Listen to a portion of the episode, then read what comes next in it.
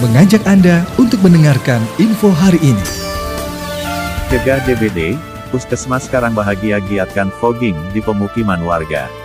Karang Bahagia, Puskesmas Karang Bahagia melakukan pengasapan fogging di rumah warga Kampung Gandoang Desa Karangmukti, Kecamatan Karang Bahagia, Kabupaten Bekasi, pada Rabu tanggal 9 Maret tahun 2022.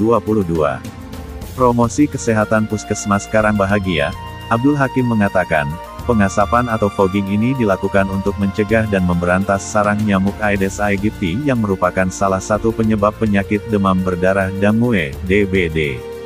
Kita kerahkan beberapa petugas dari Puskesmas Karang Bahagia untuk melakukan pengasapan di rumah-rumah warga dan kebun warga yang berindikasi menjadi sarang nyamuk penyebab demam berdarah beserta dengan jentiknya, ujarnya. Abdul Hakim mengatakan, Program pengasapan atau fogging mulai dilakukan di wilayahnya menyusul ditemukannya kasus DBD di Kecamatan Karangbahagia. Saat ini, pihaknya masih menunggu hasil dari laboratorium terkait kasus tersebut.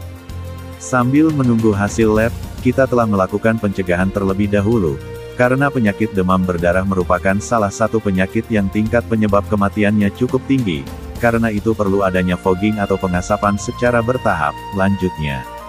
Abdul menambahkan, pihaknya mengingatkan kepada seluruh personel untuk secara rutin mengecek sejumlah bak mandi dan penyimpanan air di wilayahnya, untuk melumpuhkan jentik nyamuk DBD.